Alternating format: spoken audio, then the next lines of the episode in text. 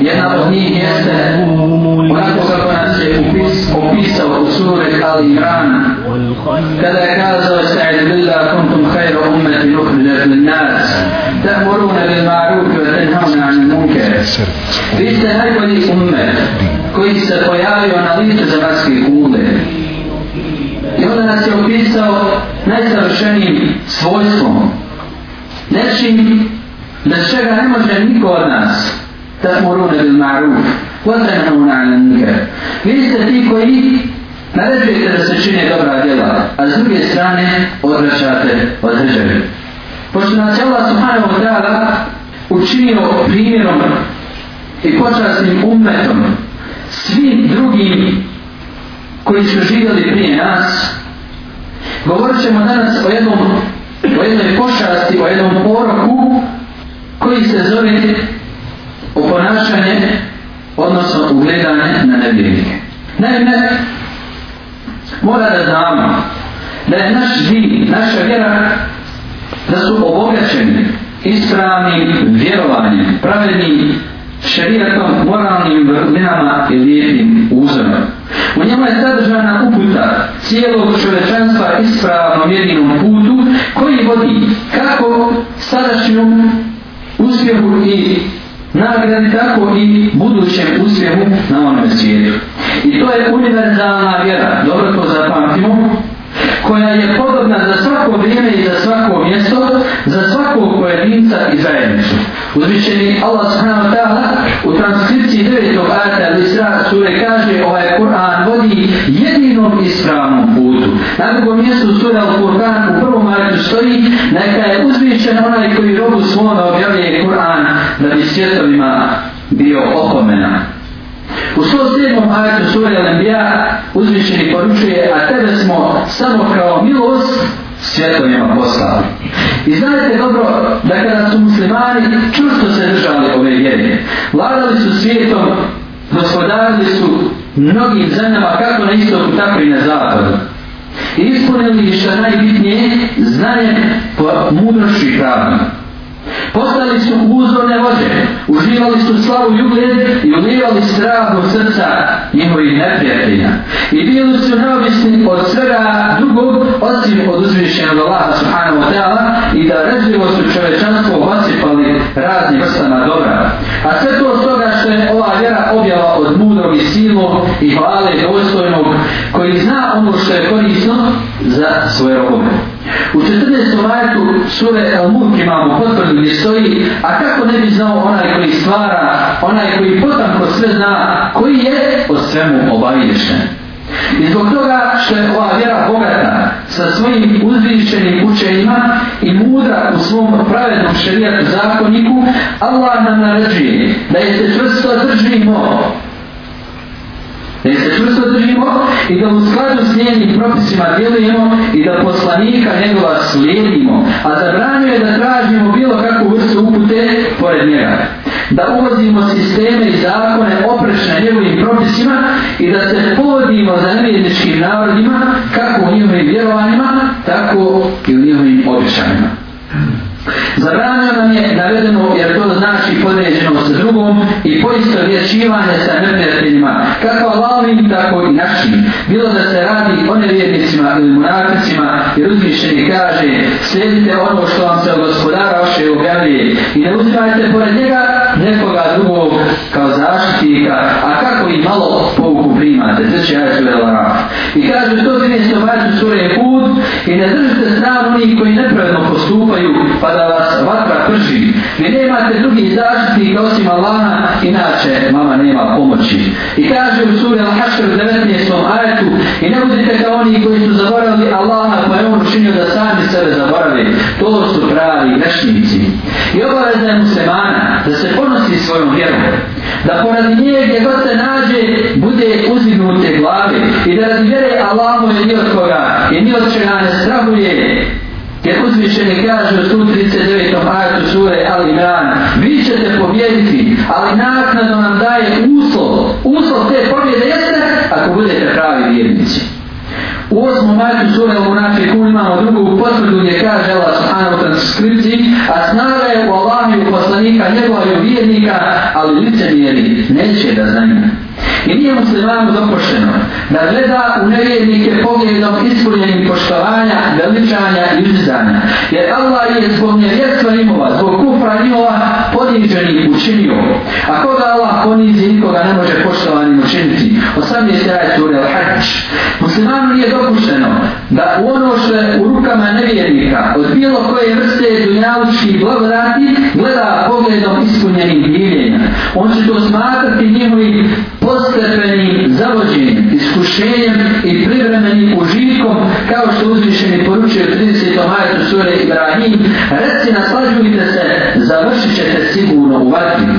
U suri Taha u 131. vatri imamo drugu potvrdu i nikako ne gledaj dugo ljepote ovog svijeta koje mi kao užitak raznim sortama nevjernika pružamo da ih time na kuće stavimo, a nagrada gospodara tvoga bolja je i vječnija. Ali muslimani ono što je u posljedu nevjernika smatraju njihovom kaznom na ovome svijetu i kako treba da postupaju. Jer oni su izloženi raznim poteškoćama i neprilikama, njegova sticanja, prikupljanja i ulažu maksimum napora u cilju njegove zaštite i čuvanja, da bi na kraju stanja nevjestva bili od njega otvrknuti i da im to ne donese na hiratu nikakvu korist. Pogledajte danas ugledne ili političare ili ličnosti, bilo da su glumci ili ovi ili oni. On ne može ni privatni život da vodi zato što je u stanju samog straha. Uvijek ima dva, tri, četiri koji ga čuvaju. Uzimaju blindirana auta. Ne može on noću da spava mirno, zašto? Zato što stalno mora da misli o svom mjestu, hoće li ga neko pokrasti, gdje i kada će ga pokrasti, hoće li neko staviti bombu pod autu i tako dalje i tako dalje. I zamislite takav jedan život. Ali ovo ne treba neko da razumije. Da musliman ne treba da posjeduje dunjalu, ali mi dunjalu treba da posjedujemo gdje? U našim rukama. Ne smije da bude u našem srcu.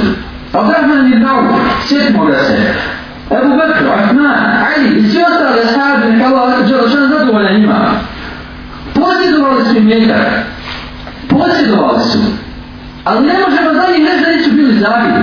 Da nisu bili šta oni koji se jednostavno nisu zalijepili i jednostavno fiksirao za ovaj dnjavu. Oni su shvatili ga nespravo način. Shvatili su da je ovo prolazna stanca na putu do ženeta, na putu do rečnog uživanja.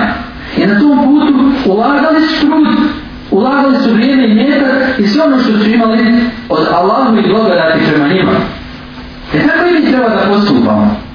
A ne da znamo gledamo onoga koji je iznad nas vidite kako ima, vidite kako posjedi. Brate, okrenite se i pogledaj onoga koji nema možda danas križku hrva da pojedi. I onda ćeš tek da budeš zadovoljan svojim stanjem.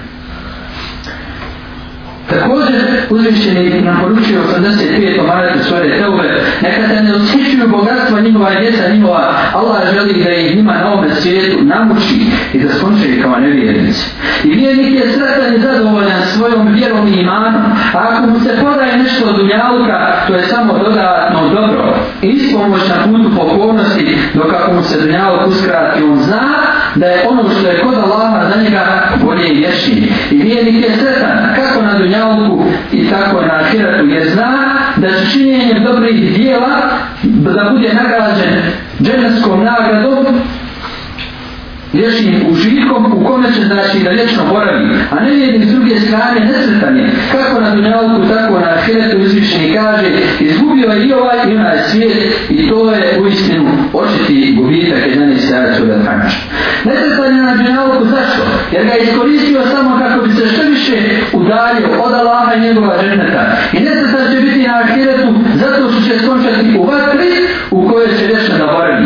A kako je samo to kraj su šetane. Pa kako onda dolikuje vjednicima koje je Allahu i Islamom počastio i visoko iznad drugih svjetova uzigao da oponašaju nevjednike i da se poistovećuju s njima.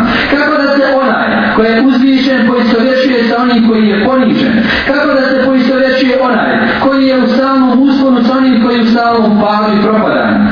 I znajte da poistovjećivanje podrazumijeva da onaj s kim se poistovjećuje bude savršeniji od onoga poistovjećuje i zbog toga nas i Allah i njegov poslani upozoravaju da se ne poistovjećujemo sa nevjernicima i njegovim vrstama i vadeta, običajima i navikama. Ima Mahmed Abu Dawud i drugi bilježe predaj od Adlaje Nomera da je kazao Resul sallahu alaihi wa sallam je rekao ko se poistovjeti sa jednim narodom jami pripada. A imam tjednik u svom jamiju prenosio da dolaje nomera i se Resula sallallahu alaihi wa sallam ne pripada nama onaj ko se poistovećuje sa drugima i nemojte se poistovećivati sa jevrejima i hršćanima. Imamo drugi ajed. Jela Subhanahu ta'ala nam daje tačnu definiciju i rješenje kaže Odan tarla anke lehudu, odan nasara, hatta tatavija millatum. I nisi da vidi hršćanima. Neće vidi što ne možeš prihvati njemu milet, a ne možeš prihvati njemu milet. I sada odeš u bilo kojoj njemu židovskoj organizaciji i kaže želim da javno istupim da postane židov ne možeš ubiti. Zašto? Zato što moraš da se rodiš u židovstvu. To je Nataša. Neće biti zadovoljni tobom. To, to. Sada ne prihvatiš njemu milet. A Allah mu je nagrada, uvijek. I razlog tome jeste što poisto vješivanje sa nevjednicima vodi velikim porocima i kovnim posljedicama. A jedna od njih ogleda se u tome što poisto vješivanje sa njima ukazuje na njihovo veličanje, pošto onaj koji se poisto vješuje sa drugim vidi i njega savršenim od sebe Jer da nije tako, on se ne bi imao povod da povodi za njim. I ovakav postupak od muslimana ukazuje na osjećaj manje vrijednosti kod njega i na slabost njegove ličnosti, što vodi u podčinjenost nevjeriku i njegovom uvažavanju i to je muslimana. Potom poistovjećivanje muslimana sa nevjernikom predstavlja par iskost, jer musliman je iznad nevjernika. I kada god počne oponašati, pada sa svoje visine i visokog položaja, zamjenjujući ono što je bolje, onim što je gore. I to je očito nijekanje blagodati i poniženje za islam, jer islam nadvisuje sve, a njega ne nadvisuje ništa.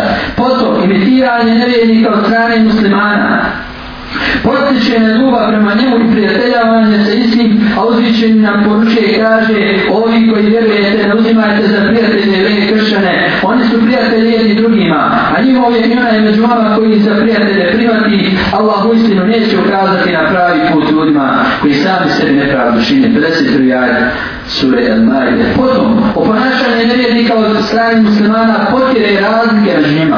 A uzmišljeni Allah razdvojio je vjednike od nevjednika, kako fizički, tako i pravno, i na dunjavu i na ahiretu, pa makar i bili oni njihovi najbliži rođaci. Naredio je vjednicima da se istele, da učine hiđu iz nevjedničkih zemada i zabranio im je da bez opravdane potrebe putuju čak u njihove države. I njihovo oponašanje miješanje, motive za miješanje s njima, boravak među njima, odlazak istima, druženje sa istima i sl. I tako je ponašanje nevjerika muslimana u savremenom dobu dovelo do mnogih zala opa, i opasnih pojava od koje ćemo navesti samo neke. Alhamdulillahi wa l'alamin, wa salatu wa salamu ala šefi l'anbijaja wa mursini nabina Muhammedu ala alihi wa sahbihi ajma'in. Njivo imitiranje u veličanju kapura, pretjerivanje u odnosu na dobre, znači ljudi, kuće i podizanje džamija na njihovim bezdanjima, što je sredstvo padanja u veliki širk. U Buhari je ovdje muslimu ovoj zbirci hadisa prenosi se, odnosno bilježi se da je radi Allah ona kazala. Allah ovo poslanik sallahu alaihi wa sallam u bolesti od koje se nije digao, rekao Neka je prokletstvo Allahova na jevrejima i kršćanima, oni su kabore vjerovjesnika svojih učinili džamijama, to jeste vjesima za obavljanje molitve. Na nije toga kaže da je Ajša, njegov mezar bio istaknut i obilježen, ali on je sramovo da se ne pretvori u mesđi. I nisu danas nepoznati prizori velikog širka u koje su zapali neki sredbenici ovog umeta radi oponašanja reja kršćana u vezi s pitanjem veličanja kabura i to se tipo do te mjere u zemljama čak islama gdje se da se znači robuje neko drugi mimo Allaha subhanahu wa ta'ala. Tome možemo dodati podizanje džamija na tragovima, vjerovijesnika, dobrih ljudi i prijašnjih poslanika, pa ako su našli u nekoj knjizi, da je neki od poslanika, rečemo, ili sjedio, ili spavio, ili klanjao, ili boravio, odmah automatski na tom mjestu dođu i podignu e, kapu na neko mjesto gdje će vršiti i vlade nekome drugom, pored Allah subhanahu wa ta'ala. Potom tu je oživljavanje praznika koji u osnovi predstavljaju novotariju i nespadaju muslimanske kao što su praznici vezani za neke istaknute alme ili kraljeve ili državnike ili nacionalni praznici, potom praznici vezani za oživljavanje sjećanja na, na neke historijske činjenice kao što je Isra u Mirage i slično tome, oponašajući sve u tome nevjernike koji oživljavaju sjećanja na njihove velikane i njihove historijske događaje. A oni to čine iz zagoda što im nedostaje ispravna vjera kojom bi pobog ispunili svoje slobodno vrijeme, ali muslimanima je to nepotrebno, jer im je Allah podario din koji popunjava njihovo vrijeme hajrom, investira njihovo vrijeme u dobro. U zabranjeno ponašanje spada i upotreba njihovog jezika bez neke nužne potrebe, potom ispisivanje natpisa na trgovinama i radnjama u muslimanskim zemljama, njihovim jezikom ili ubacivanje riječi i stručnih naziva iz njihovog jezika u islamsku literaturu, studije i sl.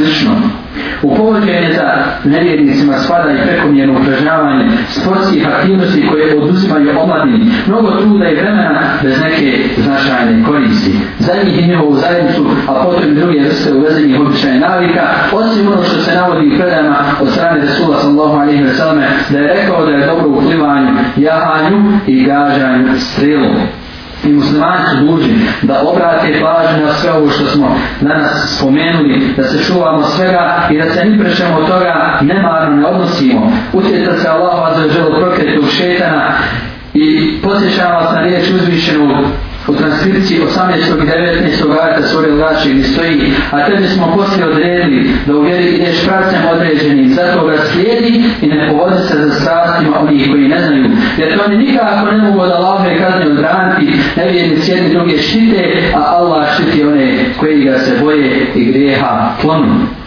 I za kraj jedna veoma bitna napomena, a ona je vezana za kućni odgoj. Draga braća, Radi se o jednoj činjenici da ljudi danas, subhanallah, žele da imaju potomstvo, međutim ne žele da brinu o tom potomstvu ne bi se zvao kućni odvoj da se on može stići u nekoj kulturnoj ustanovi.